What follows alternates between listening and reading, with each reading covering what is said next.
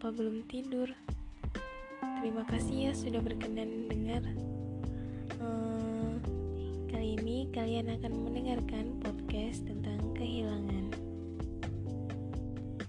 Oh iya, bicara soal kehilangan, pernah gak sih kalian ngerasa kehilangan, tapi belum sempat memiliki? Ngerasa ditinggal, tapi nyatanya memang belum pernah bersama.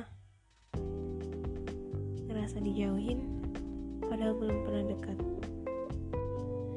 Hmm, rumit juga ya kalau udah bicara soal perasaan.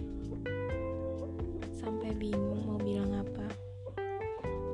Sebenarnya tiap orang punya jatah waktu yang berbeda dalam hidup kita. Ya beda-beda. Ada yang lama ada juga yang hanya sekedar singgah ada yang bilang kalau kita nggak ngerasa milikin sesuatu ya kalau sesuatu itu hilang kita nggak akan merasa kehilangan. Tapi coba deh aku tanya sama diri sendiri. Emang aku siapanya dia? Kenapa diem? Bingung ya mau jawab apa bukannya aku cuma temen. Temen sih tapi kok naruh harapan yang besar ke dia? Harapan kalau dia bakalan selalu ada. Harapan kalau bareng sama dia aku bakalan bahagia. Harapan kalau dia bakalan terima aku secara utuh harapan kalau suatu saat nanti aku jadi seseorang yang sangat berarti buat dia. Dan yang terakhir, harapan untuk bisa menua bersama. Ya, mungkin harapan-harapan itu yang bikin aku jadi susah melepas. Harapan-harapan itu yang bikin aku takut kehilangan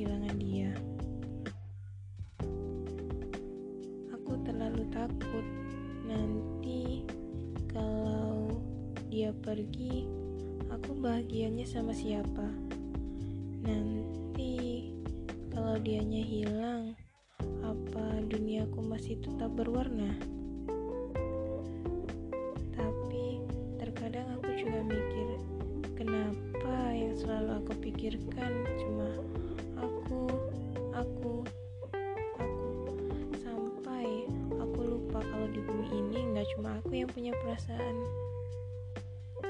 sampai lupa kalau apa aku yakin dia juga ngerasain bahagia yang sama saat bareng sama aku. Jangan-jangan dia datang hanya karena senggang. Hmm, ya mungkin saat dia bosan hanya aku yang kebetulan ada. Eh akunya yang salah paham. Pokoknya rumit deh kalau udah bahas soal perasaan, apalagi kalau harus ditanggung sendirian. Seolah semua perasaan jadi tanggung jawab diri sendiri. Bangun ekspektasi yang tinggi, eh giliran orang lain gak bisa menuhin, kitanya yang kecewa. Aneh bukan? Udah tahu dianya pergi, udah tahu dianya emang gak peduli, apalagi mau diharapin. Udah berulang kali kecewa, tapi tetap aja masih cinta. Udah berulang kali diabaikan, kenapa tetap saja peduli? Udah tahu dianya pergi, eh kok tetap aja nunggu?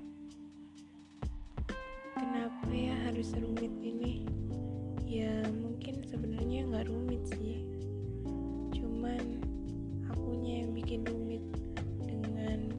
pikiran-pikiran aku sendiri